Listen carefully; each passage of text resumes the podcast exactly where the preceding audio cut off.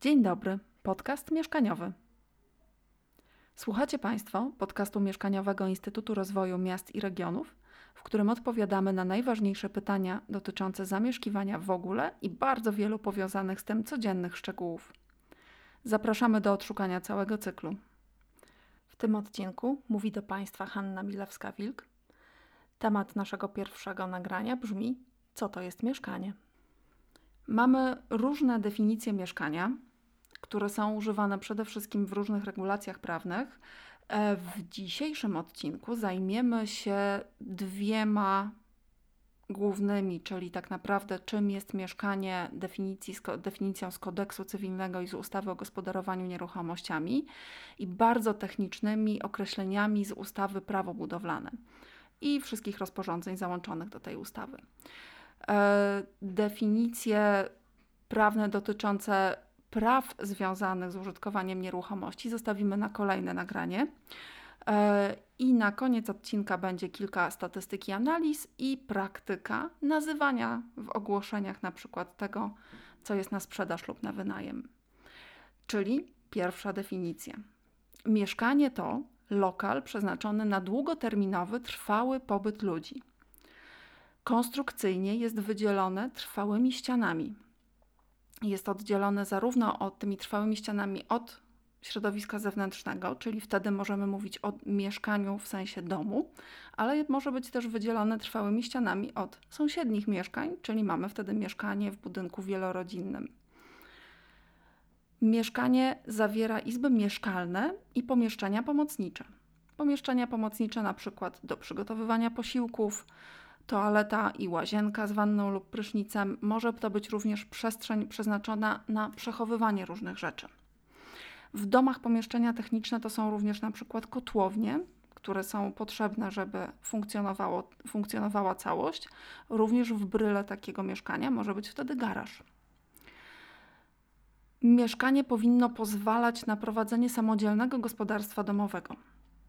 Dlatego są potrzebne właśnie te dodatkowe pomieszczenia pomocnicze i po prostu mieszkalne. Coraz częściej e, definicja mieszkania jest uzupełniana o różne dodatkowe warunki powiązane przede wszystkim ze zdrowiem, czyli że powinniśmy mieć w mieszkaniu dostęp do naturalnego światła, w mieszkaniu powinno być ciepło, powinna być wentylacja i brak zagrzybienia, przede wszystkim ze względów zdrowotnych. I w końcu my powinniśmy w mieszkaniu mieć poczucie bezpieczeństwa i prywatności, czyli możemy po prostu dzięki tym ścianom trwałym, wydzielonym, oddzielającym nas od innych ludzi i od środowiska, możemy po prostu czuć się bezpiecznie, możemy mieć prywatność w postaci zamkniętych drzwi. Definicja techniczna dotycząca mieszkania jest określona właśnie w ustawie prawo budowlane i w załącznikach i warunkach technicznych dotyczących właśnie mieszkań. I wymienię tylko kilka takich głównych cech, które w tej chwili muszą spełniać mieszkania nowo budowane, żeby mogły zostać uznane właśnie za pomieszczenia mieszkalne, za budynki mieszkalne. Przede wszystkim w tej chwili minimalną powierzchnią mieszkania to jest 25 metrów. Mniejsze lokale w tej chwili nie mogą zostać mieszkaniami. Wysokość pomieszczeń w mieszkaniu to jest co najmniej 2,5 metra. Kuchnia musi być w mieszkaniu, ale może być w osobnym pomieszczeniu, a może być również w tak zwanym aneksie, czyli połączona z większym pomieszczeniem. Oczywiście w mieszkaniu powinna być łazienka, która ma wannę lub prysznic. W łazience może być od razu toaleta, ale toaleta może być też całkiem osobnym pomieszczeniem, wtedy powinna być również tam umywalka dostępna. W całym mieszkaniu, niekoniecznie w łazience, musi być przewidziane w tej chwili miejsce na pralkę automatyczną, czyli na podłączenie tej pralki do prądu, do wody i do odpływu do kanalizacji. Drzwi wewnętrzne w mieszkaniach w tej chwili powinny mieć szerokość w świetle 80 cm, drzwi wejściowe do mieszkań powinny mieć szerokość 90 cm. Wentylacja musi być dopasowana do rozwiązań technicznych, które są przewidziane dla danego mieszkania. Cała instalacja dla danego budynku może być wentylacją grawitacyjną lub mechaniczną, natomiast jej wydajność musi być właśnie przewidziana, na przykład jeżeli mamy kuchenkę gazową w danym mieszkaniu, to wydajność tej wentylacji powinna być trochę większa niż jeśli mamy zaprojektowany blat elektryczny, blat grzejny w danej kuchni, to wtedy ta wentylacja może mieć trochę mniejszą wydajność. Oczywiście mieszkania powinny mieć okna i określony dostęp do światła dziennego, wyliczone to jest w dokładnym czasie, ile światła słonecznego powinno nam docierać do mieszkania. I ostatnim takim parametrem, który coraz częściej jest podkreślany, to jest efektywność energetyczna mieszkań. E, to jest często załączany do dokumentacji mieszkania taki certyfikat efektywności energetycznej, właśnie, który określa nam, ile potrzebujemy energii, żeby zachować komfortowe warunki w danym mieszkaniu przez okres roku. E, trudno jest rzeczywiście czasami ten certyfikat dokładnie przeczytać i zrozumieć, natomiast e, rzeczywiście w podziale jest tak, jak są e, określane klasy energetyczne różnych sprzętów elektrycznych, tak samo w tej chwili również efektywność energetyczna nowych mieszkań jest również określana. Dla starszych takie certyfikaty również są wystawiane.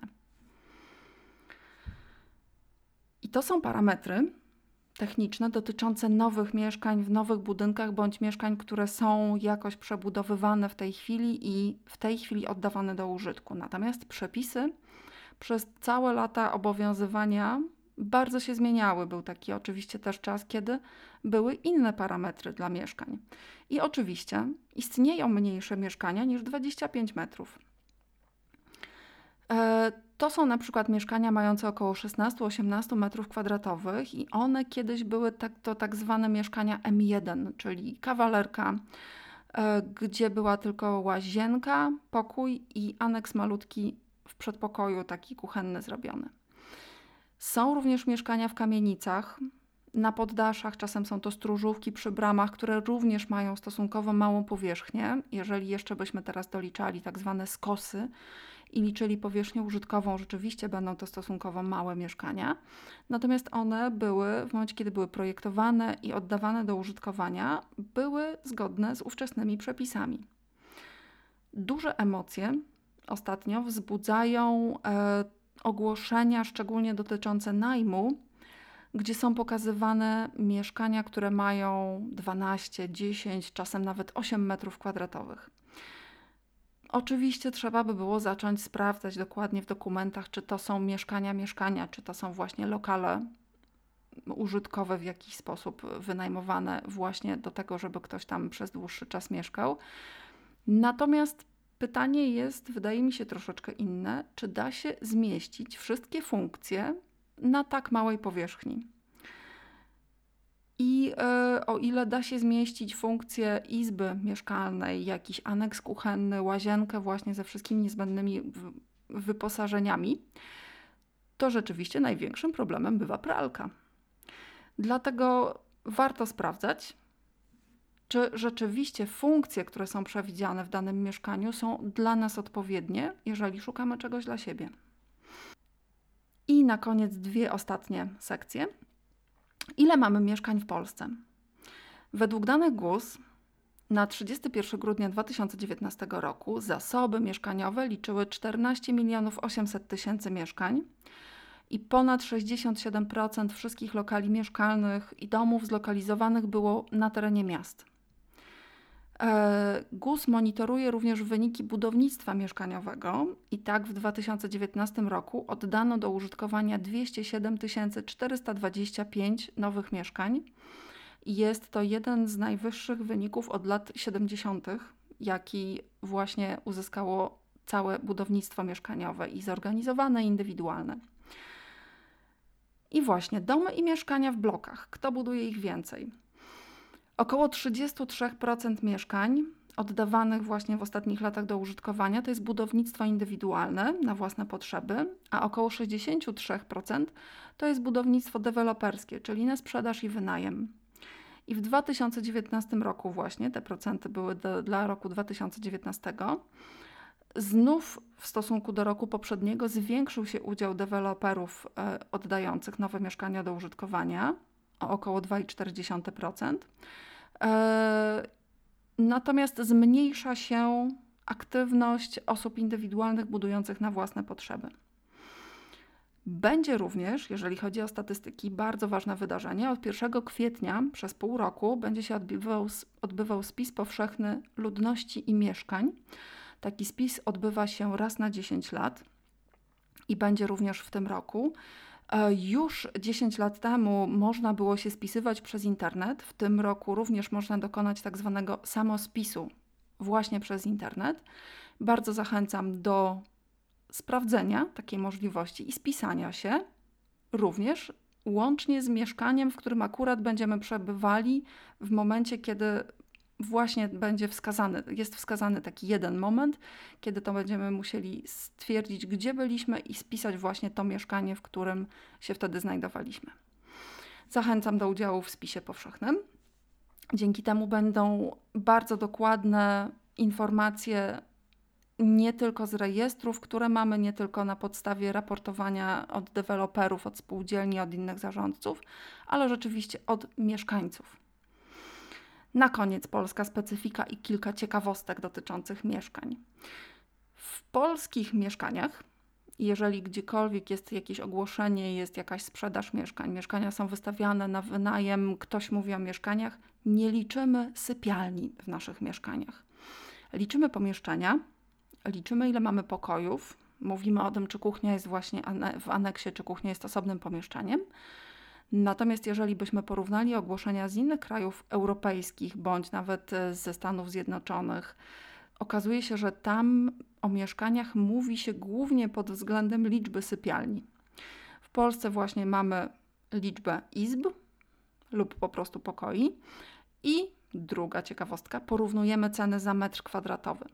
Można tutaj się rzeczywiście trochę pomylić, ponieważ im mniejsze mieszkanie, tym ta cena za metr kwadratowy jest nieco wyższa.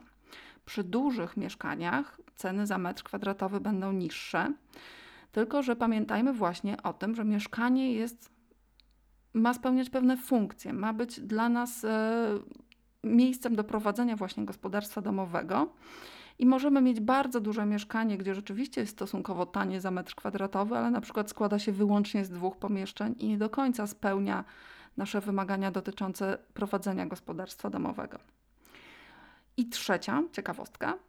Nie zwracamy często uwagi na koszty utrzymania. Szczególnie dotyczy to osób dopiero wchodzących na rynek nieruchomości, do osób, które wcześniej nie zajmowały się mieszkaniem swoim bądź e, nie miały świadomości, na przykład ile płacą za mieszkanie i za ogrzewanie rodzice. Koszty utrzymania mieszkania to jest właśnie przede wszystkim koszty ogrzewania. Jeżeli mamy nowe mieszkanie, nowy dom, stosunkowo dobrze ocieplony, te koszty mogą być niższe, natomiast przy mieszkaniach z drugiej ręki pytajmy właśnie o te koszty utrzymania mieszkania, jakie są koszty ogrzewania, jakie są koszty innych mediów w danym miejscu, żeby właśnie utrzymać tam komfortowe warunki. Dziękujemy za uwagę. Słuchali Państwo podcastu mieszkaniowego Instytutu Rozwoju Miast i Regionów. Zapraszamy do zadawania pytań, komentowania i wskazywania nam, co jeszcze warto poruszyć w naszych nagraniach. Nowy odcinek do usłyszenia co tydzień. Zapraszamy.